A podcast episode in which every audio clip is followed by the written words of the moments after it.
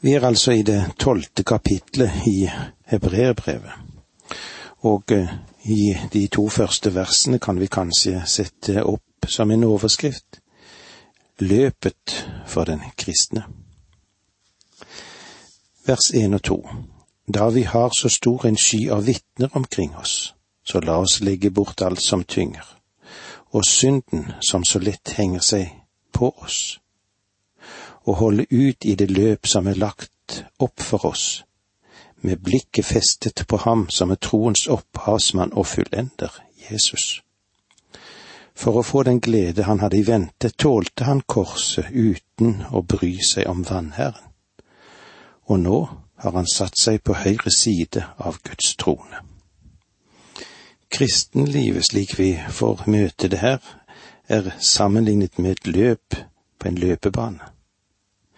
Her er det altså ikke passivitet, men et fullt arbeid, og det er kamp. Og det må vi ikke glemme. Kristenlivet er både arbeid og kamp.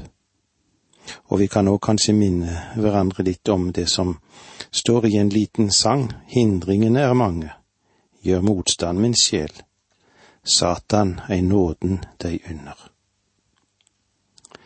Men eh, kraft finnes det nok til seier. Hvordan da?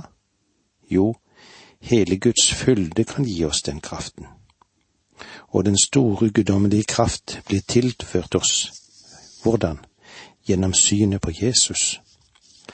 Derfor blir vi formanet om å se på ham mens vi løper på løpebanen. Vi må vende blikket mot Han. Vi må vende blikket mot Jesus hver en stund. Se på han som er troens opphavsmann. Se, Jesus er der før verdens grunnvoll ble lagt. Han tok din og min sak på seg. Han tok synderens sak på seg. Se på ham der han følger sitt folk gjennom det vi finner i den gamle pakt. Se han som et lite barn i krybben. Han blir født inn i vår slekt som menneskesønn. Men først av alt må vi se ham på korset. Der ble synden sluttet ut. Og så må vi få lov å se Jesus første påskedagsmorgen da han sto opp igjen, da han brøt dødens lenker. Han som har kjøpt oss fri. Han som er troens opphavsmann og fullender. Når vi leser første delen av dette brevet her i Hebreerbrevet, er faren om å drive, det vil si at vi bare skal være hørere. Drive av sted og ikke gjøre noe med Guds frelse.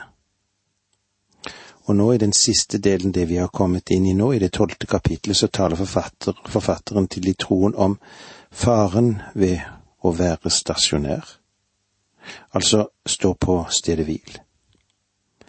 Han sier, la oss nå komme oss inn i løpet, La oss bevege oss fremover, ikke bare drive. Vi er løpere.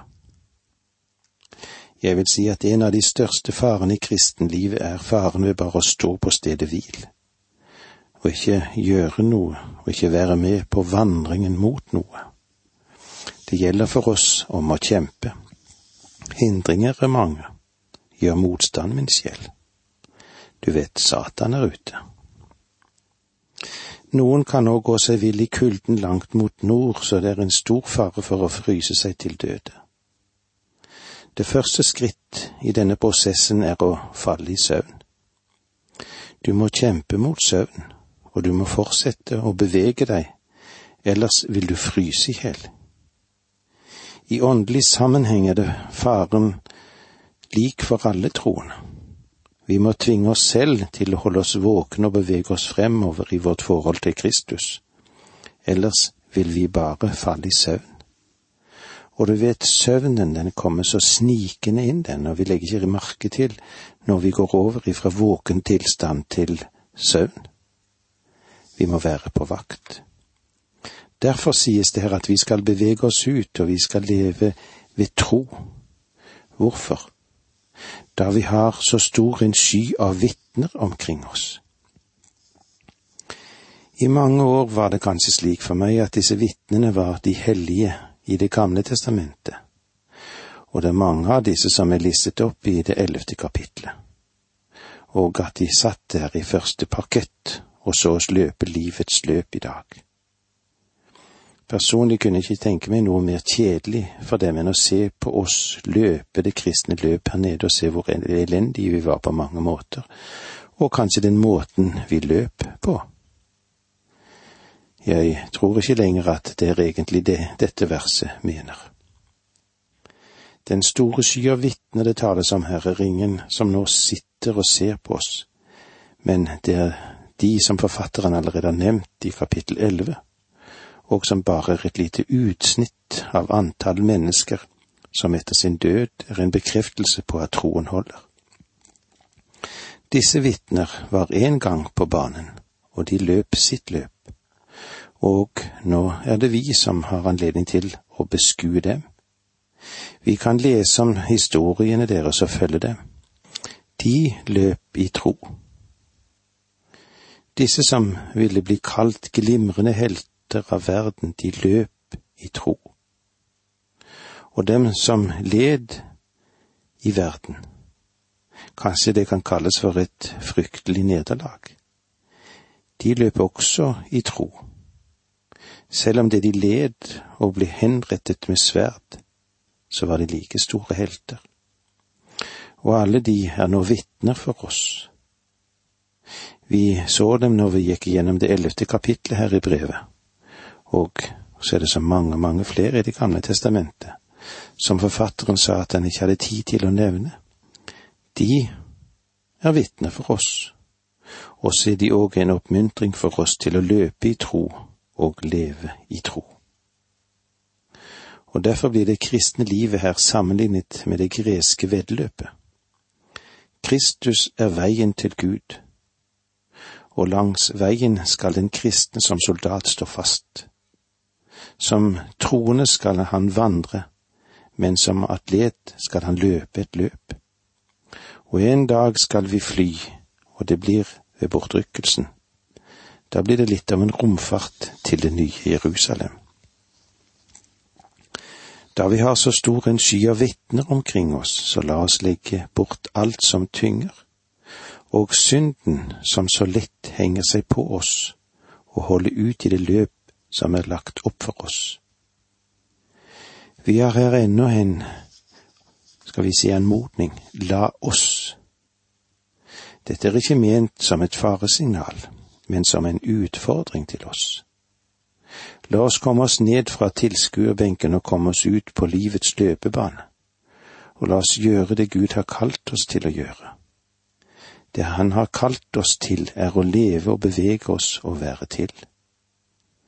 La oss løpe det kristne løpet, og la oss stå åpent fremfor Gud. Det er det som er hele tanken her. Vi blir anmodet om å løpe med tålmodighet og legge til side alt som kan tynge oss ned, og synden som så lett henger fast ved oss. Gud har frelst oss fra synd. Han har ført oss inn i det himmelske, faktisk inn i det hellige, og han har avsatt plass for oss i det himmelske. Han har gitt oss sin Hellige Ånd. Men på tross av alt det han, som han har brakt til veie, så snubler den kristne så ofte, og vandrer som et menneske tapt i et mørke. Hva er feilen med det kristne livet som så ofte leves mellom oss? Jeg vil harpe på den samme strengen som jeg har spilt på før, for jeg tror det er svaret. Problemet er at kristne ikke vandrer med Gud. De blir frelst, gir et vitnesbyrd om sin frelse, og det er alt de har. De opprettholder aldri et alvorlig studium av Guds ord, som er vesentlig for vekst. Det er som den lille piken som falt ut av sengen om natta. Og da begynte hun å gråte, så kom mor ruslende inn og sa, Kjære deg, hvordan har det seg at du falt ut av sengen? Og den lille piken svarte gråtende, jeg tror jeg holdt meg for nær den kanten der hvor jeg går opp i sengen. Og det er det som er problemet for en del kristne også i dag. Vi snubler og feiler fordi vi holder oss altfor nær det stedet vi kom inn. Vi må fortsette dette løpet, skjønner du. Og det var det vi kunne ta med oss i dag. Takk for nå, må Gud være med deg. Dette undervisningsprogrammet består av to deler. Åge Nevland fortsetter nå med andre del av dagens undervisning. Vi er i Hebreerbrevet i det tolvte kapitlet. Og vi har stoppet litt opp for i de foregående program om løpet for den kristne. Eller som det står i de to første versene i kapittel tolv.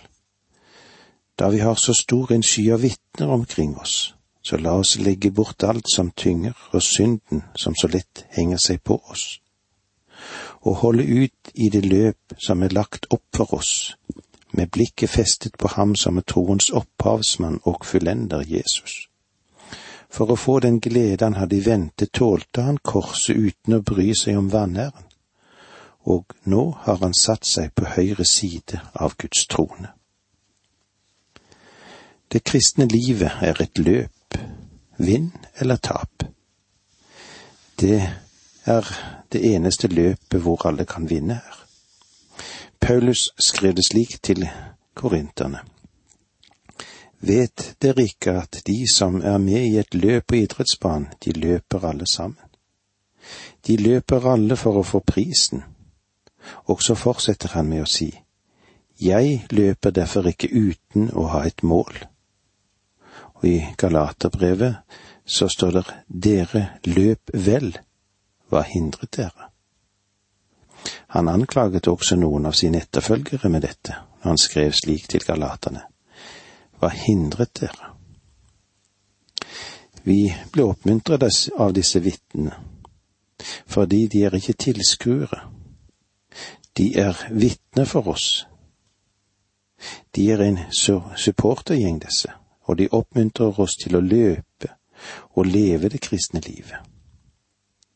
Abraham sier til deg og til meg, fortsett i tro. Moses sier til deg og meg, fortsett ved tro. Daniel sier det videre til oss, gå videre i tro. Men det er noen forutsetninger som må møtes. Legg bort alt som tynger, og synden som så lett henger seg på oss. Hva mener han med dette? Legg bort alt som tynger. Vekten er absolutt unødvendig i et løp. Faktisk så er vekt en hindring. Vi må ikke drasse med oss det som er unødvendig. I det kristne livet finnes det mangt som ikke er galt i og for seg, men kristne burde ikke dra på seg disse tunge vektene rundt omkring. Hvorfor? Fordi du ikke vinner løpet. Poenget her er at det ikke er spørsmål om rett eller galt for en kristen i en livsstil. Det er tatt for gitt at du vil gjøre det som er rett. Spørsmålet er, ville dette skade mitt vitnesbyrd? Ville dette hindre meg i å vinne løpet? Vil dette være en belastning for meg i livet? Det finnes nok av kristne som drasser omkring med mangt og som tynger dem ned unødvendig. Jeg vil ikke diskutere noen ting om dette her nå, hva som kan være rett og galt, eller hvis vi trekker inn det veldige er ja for oss spørsmålet, det vil si ting som ikke er bestemt omtalt i Det nye testamentet, og som vi må ta stilling til etter hvert som det møter oss i livet. Så jeg sier bare ganske generelt, er du med i løpet? Ønsker du å vinne? Ser du på Jesus? Ja, det er det som er det viktigste. Og synden som så lett henger seg på oss. Hva er synden? Det er ikke synd generelt han taler om her. Det er synden. Igjen drives vi tilbake til det forrige kapitlet. Hva var den store synden i det foregående kapittel? det var vantro. Vantro er synden. og eh, det er ikke noe som vil holde oss tilbake med så mye som en tror det ville være det med vantroen. Vantroen er det som holder mange tilbake. Og kanskje det er slik med deg som det er med meg. Vi er klar over at mer enn noe annet i våre liv er dette med vantroen som hindrer vårt kristenliv. Hvor godt det er å vite at Gud kan gripe inn og redde oss i all slags situasjoner, også i vantroen, når han gjør det. Og han redder oss ut ifra farer. Gud kan hjelpe oss og redde oss. Da Jesus hang på korset og både Gud og mennesker hadde forlatt ham, så ropte folkehopen. Han har satt sin lit til Gud. La ham nå fri ham ut, hvis han har behag i ham. Ja, hvordan er det med menneskeslekten, slik som det var i den tid og slik som det er i dag? Gud fridde ham ikke ut, men han gjorde noe som var mye, mye bedre. Gjennom lidelsen som Jesus måtte ha på korset, så ble han vår frelser, og han ga oss en evig frelse. Noe som er bedre enn å slippe lidelse, er at vi får løsning på spørsmålet om hvem som led for oss. Vi går videre i dette kapitlet, og vi stopper opp i vers tre. Altså, de troende er nå i en konkurranse og konflikt. La oss lese vers tre. Ja, tenk på ham som holdt ut en slik motstand fra syndere, så dere ikke blir trette og motløse. Ordene holder ut i vers én og holder ut i vers to kommer fra den samme rot, selv om de kan oversettes på forskjellig vis, som tålmodighet i det første verset og utholdenhet i det andre verset. Vanskeligheter, motganger, skaper generelt sett tålmodighet og utholdenhet. Disse hebraiske troende kom fra en religion som hadde veldige ritualer og et mektig tempel. Herodes sitt tempel, selv om det ikke var fullført en gang da det ble ødelagt i år 70, var et vakkert byggverk, og så inspirerte det til ærefrykt. Det var også mektige ritualer som hørte til i tempelgudstjenesten. Den hadde fra begynnelsen av vært en gudgitt religion, men den var blitt utvannet og prostituert ved den tid forfatteren skrev hebreerbrevet. Og likevel hva angår religion, så hadde de alle fall den. Men de troende det her er snakk om, har gitt opp alt dette. De var ikke lenger en del av de religiøse ritualene. Hvorfor det? De hadde nå lært Kristus å kjenne, og han var alt for dem. Han er tempelet. Han er ritualene. Han er kristendommen. Han er alt. De fant denne enkeltheten i Kristus, og forfatteren kaller dem nå at de skal se på ham. De skal kjenne til hva han utholdt mens han var her nede, og hvordan han lærte tålmodighet. Det sies i begynnelsen av dette brevet, i denne delen der hans stilling som menneske er, og der det blir presentert for oss at han lærte en hel del ting her nede selv om han er Gud. I sitt kjød lærte han noe som Gud måtte erfare, nemlig å ta på seg vår menneskeskikkelse og lide for oss. Han utholdte, og han lærte tålmodighet.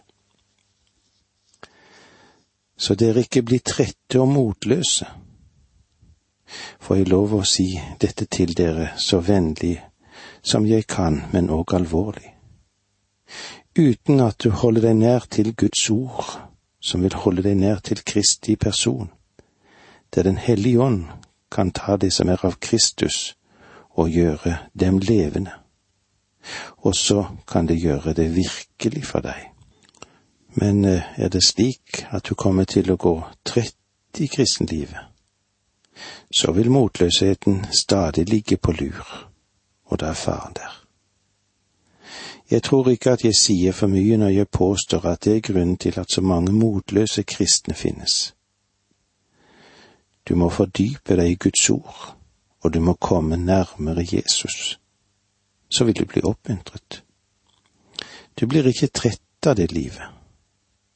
Vi lever i den mest interessante epoke du noen gang kan tenke deg.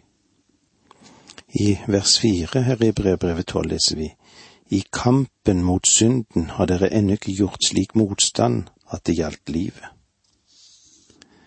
Dette antyder ganske klart at da brevet ble skrevet var tempelet ennå ikke ødelagt.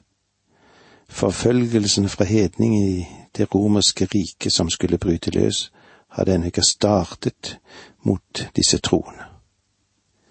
Dere har ennå ikke gjort motstand slik det gjaldt livet. Han sier til dem, selv om dere har det vanskelig en tid og dere har problemer og påkjenninger, så er det det eneste remedium mot svakhet, mot tretthet, mot motløshet, det er å se på ham. Se på Kristus. Vers fem. Har dere glemt de manende ord som taler til dere, som til sønner? Min sønn, forakt ikke Herrens tukt. Mist ikke motet når han refser deg. Forfatteren siterer her fra ordspråkene tre, elleve og tolv. Forakt ikke Herrens tukt, min sønn. Mist ikke motet når han refser deg, for Herren tukter den han elsker, som en far refser den sønn som han har kjær. Og med disse ordene må vi si takk for nå, må Gud være med deg og hans fred hvile over deg.